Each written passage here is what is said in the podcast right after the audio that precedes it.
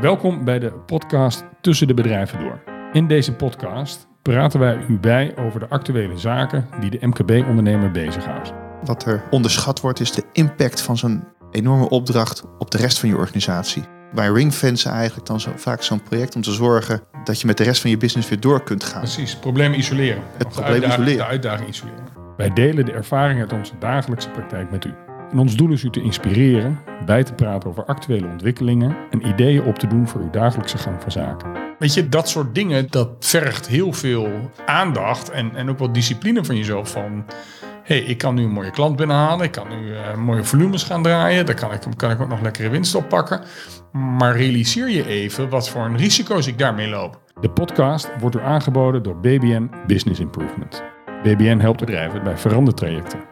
U moet dan denken aan aanscherpen van de strategie, wijzigingen van de organisatie en financiële structuur. Ook begeleiden wij de aan- en verkoop van ondernemingen vanuit onze corporate finance praktijk. Zo komen wij in aanmerking met verschillende sectoren. Per jaar adviseren wij zo'n 100 verschillende bedrijven. De kennis die wij opdoen, delen we met u in deze podcast. Wij zijn Bob Huskus en Magiel van der Hogen van BBM Business Improvement.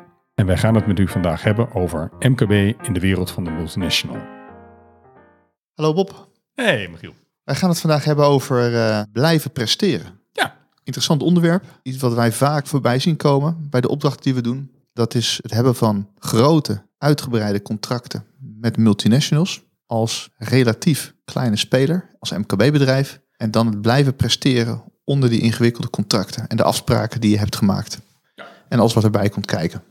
ja, Eh, wat wij in de praktijk veel zien, is dat er eh, hele mooie grote opdrachten worden aangenomen door bedrijven die heel hard gegroeid zijn en een enorm mooi product leveren. En dan komt er opeens een grote opdracht voorbij van een eh, multinational die in de kern heel simpel lijkt, is wat het bedrijf prima zou moeten kunnen. Maar hij is wel he- heel erg omvangrijk. Daar worden ook bij de totstandkoming daarvan eh, ingewikkelde contracten over op, afgesloten. En dan zien we dat daar met name de multinational best dominant is in het, eh, in het samenstellen van het contract en de prestatieafspraken. Ehm, dat komt dan tot stand. Want je wil graag die opdracht doen en dan ga je beginnen. En dan moet je die opdracht gaan, eh, gaan verwezenlijken. Vaak voorbij zien komen is dat dat in eerste instantie goed loopt allemaal. Maar het, het, het vergt heel veel energie van de organisatie. Heel veel mensen binnen de organisatie eh, zijn ermee bezig. Er worden handjes toegevoegd, FTE's. Er wordt machinecapaciteit toegevoegd. En dan gaat er in het proces iets niet helemaal zoals was voorzien. Nou, misschien nog niet eens dat het niet was voorzien. Misschien wordt het juist wel eh, een groot succes. En, eh, Ja. en, en ook dan kun je de bietenbrug op. Wat je vaak ziet is dat er nauwe contracten worden afgesloten... waarbij inkoopmarges vaak onder druk staan. Helemaal, hè? Nou, als je kijkt naar vandaag de dag... hoe transportprijzen toenemen... eh, wat het kost om een containertje uit Azië eh, deze kant op te krijgen... personeelschaarste, allerlei grondstoffen die heel moeilijk zijn aan te komen... of heel duur zijn geworden. Waardoor het A, heel moeilijk is om zo'n contract in te vullen... en, en je, grootste, je nachtmerrie is... dat iedereen dan ook nog jou wil houden aan het contract. En sterker nog, meer wil afnemen dan ze eigenlijk hadden, hadden afgesproken. En het tweede wat erbij komt kijken is dat, en dan komen we ook weer even met onze eh, financieringsbril er naar kijken, dat het vaak heel lastig is om invulling te geven in financiële zin aan die groei van zo'n contract.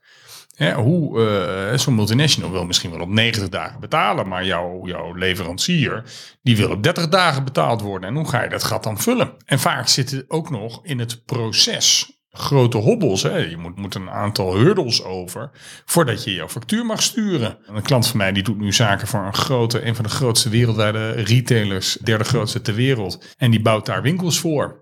En voordat hij een factuur mag sturen, dan heeft hij al, ik weet niet wat voor Chinese formulieren moeten invullen, zijn doopcel moeten lichten en de kleur van zijn sokken moeten opgeven.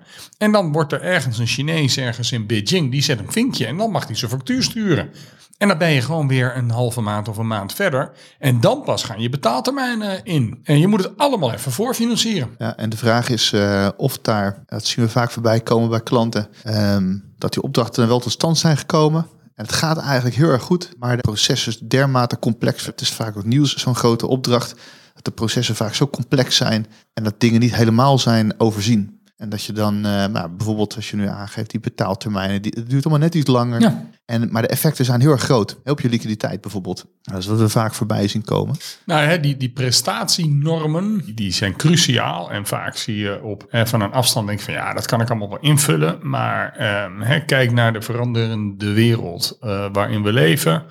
Um, en ik geloof helemaal niet dat corona nou zo nodig heel uniek is. Ik denk dat, we, dat de complexiteit waarmee we te maken hebben steeds vaker een uitdaging wordt. Um, en helemaal als je op grote schaal wil inkopen, als je dat over de grenzen heen doet, wordt het gewoon allemaal behoorlijk, behoorlijk uitdagend. En hoe nauwer dan de contracten gezet zijn en hoe minder het rekening houdt met de processen die jij eigenlijk voert of zou moeten voeren, hoe lastiger het wordt. Ja, als je ergens. En, en dan wordt het in het groot wordt het zichtbaar met zo'n contract. Ja.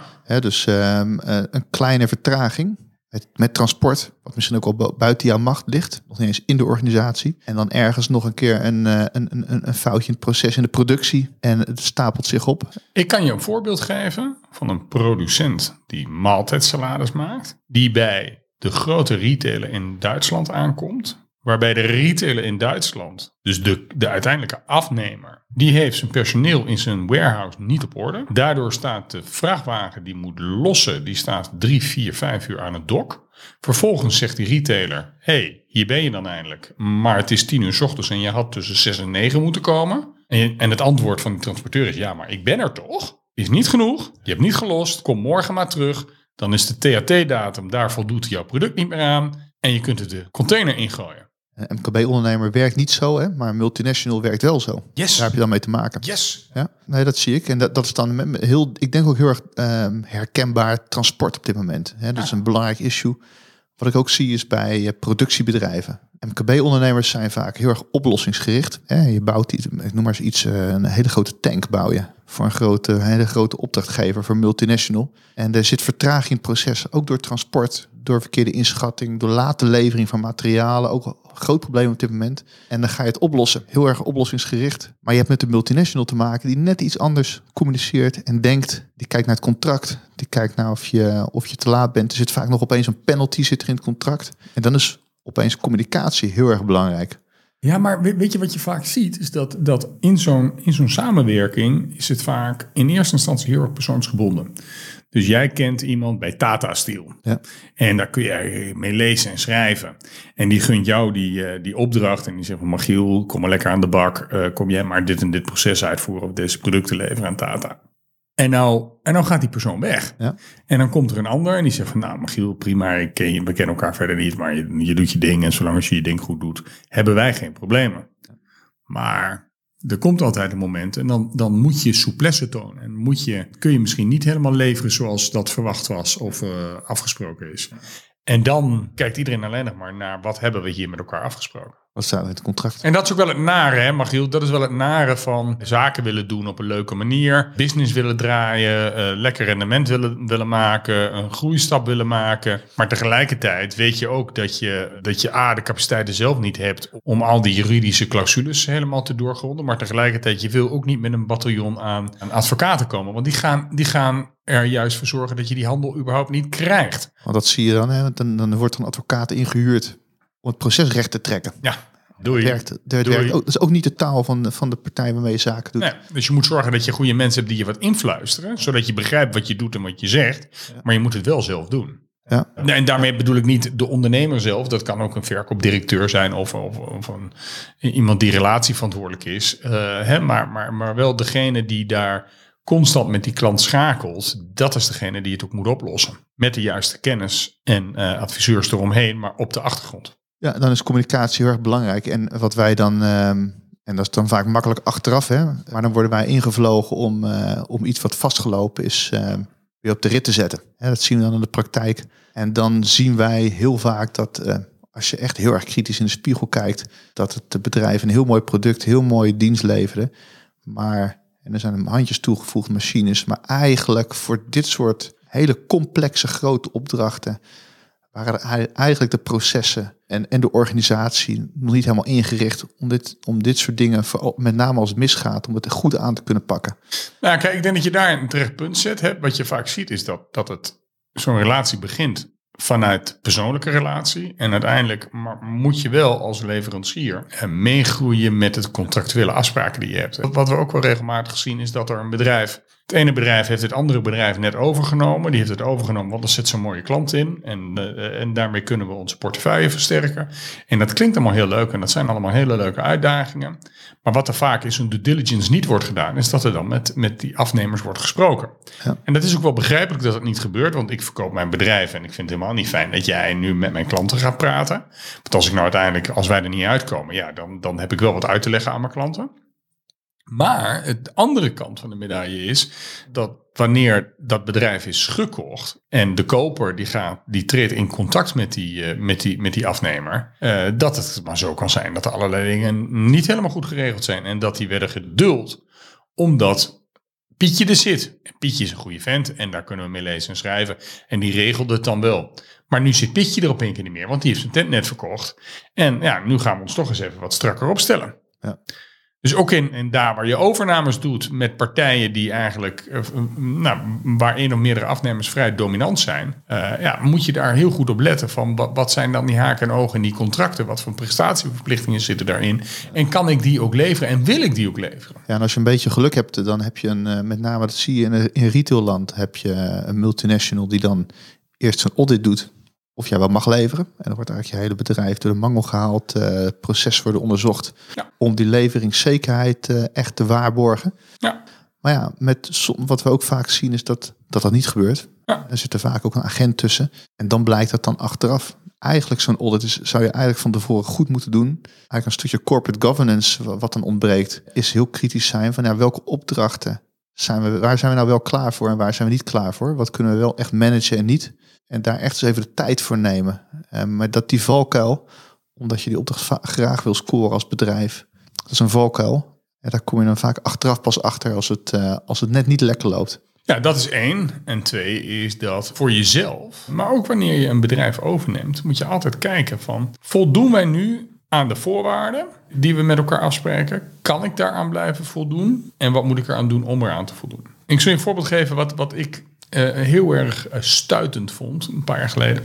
Toeleverancier van filet américain aan een grote retailer. Daar zitten allemaal E-nummers in, er zitten allemaal toegevoegde stoffen in. En dat bouwt op tot een prijs. En sommige stoffen zijn gewoon noodzakelijk, omdat anders producten uh, bedorven kan worden, et cetera. Um, dat wordt gewoon de Voedsel- en Warenautoriteit wordt dat afgedongen dat het erin zit. En, en dat contract wordt getekend onder de conditie dat, en dat wordt er in de potlood in één variant van het contract wordt erbij geschreven. Nou, die en die nummers mag je wat ons betreft wel achterwege laten en dan kun je het ook voor deze kostprijs leveren. Als jij dat niet weet, als je het wel doet, maar die retailer krijgt daarna daar problemen mee, dan moet je ervan van uitgaan dat jij als, als leverancier degene bent die over de knie gaat. En het is niet voor niets dat het niet in het contract staat, omdat het alleen maar in de kantlijn met een potloodje erin staat. Dat soort dingen, dat, dat vergt heel veel aandacht en, en ook wel discipline van jezelf. Van hey, ik kan nu een mooie klant binnenhalen, ik kan nu uh, mooie volumes gaan draaien, daar kan ik, kan ik ook nog lekkere winst op pakken. Maar realiseer je even wat voor een risico's ik daarmee loop. Ja. En als je bijvoorbeeld hebt, we hebben het nu over die vleesmarkt. En er zijn natuurlijk heel veel toeleveranciers die daar allerlei gekke dingen hebben gedaan. Daar hebben de kranten van volgestaan de afgelopen jaren. Die er dingen hebben gedaan die eigenlijk niet door de beugel kunnen. Of die, die anders zijn dan dat, ze, dan dat ze schrijven en zeggen dat, dat het is. Ander type vlees of andere producten toegevoegd. Maar dat komt ook vooral omdat wij bij monden van de consument, bij monden van de retailer, die druk op die toeleverancier zo hoog zetten. Dus contractueel binden we ze aan de hoogste paal, maar qua prijs kan dat überhaupt niet uit. En ik denk dat in de hele, bijvoorbeeld in de, in de foodsector, als je kijkt naar toeleveranciers van AGF-producten, vlees, vis, noem maar op, heeft iedereen diezelfde worsteling. En daarmee hoor je me echt niet zeggen dat iedereen daar dus ook eh, niet kan leveren. Dat wordt, er wordt afgesproken. Maar dat is een enorme worsteling. Ja. Nou, dat is ook wel een bruggetje, denk ik, ook naar um, de takeaways die wij dan, eh, die wij dan zien. Hè? Ja. Uh, want hoe kun je dat dan? Hoe ga je dan daarmee om? Eigenlijk als een, een, groot, een heel groot ingewikkeld contract voorgeschoteld krijgt, hoe ga je daar nou mee om? Is het dan voldoende om, een, om je huisadvocaat nog daarnaar te laten kijken? Hoe ga je daar naar, kijken? Nou ja, kijk, volgens mij moet je A, soort, eh, goed kritisch zijn naar buitenom het product. Kan mijn organisatie een bepaalde klant wel bedienen? En wil ik dat? En moet ik dan mijn processen daarop aanpassen? Dat is één. Twee is, oké, wat voor contractuele verplichtingen verbind ik de onderneming dan aan? En ehm, ik, ik, ik denk dat de huisadvocaat vaak daar niet al te veel kaas van heeft gegeten. Je moet vaak gespecialiseerde advocaat hebben die, die je op dat individuele onderdeel ondersteunt en adviseert uh, waar het gaat om die contractuele inhoud en die verplichtingen die er rondomheen zitten. Dat is twee. Die financiering moet ermee opgeleid zijn. En dan moet je altijd rekenen door het hele proces heen. En niet over twee maanden betaaltermijn. Maar uh, nou ja, weet je, wat heb ik nodig van, van, van, vanaf het moment dat ik een grondstof ga inkopen. tot het moment dat het geld op mijn rekening staat. Hoe lang heb ik daarvoor nodig? En vaak is dat veel langer dan wat iedereen denkt. Uh, maar dat maakt ook dat je daar dus ook een oplossing voor die termijn moet hebben. Dat, dat is een belangrijke.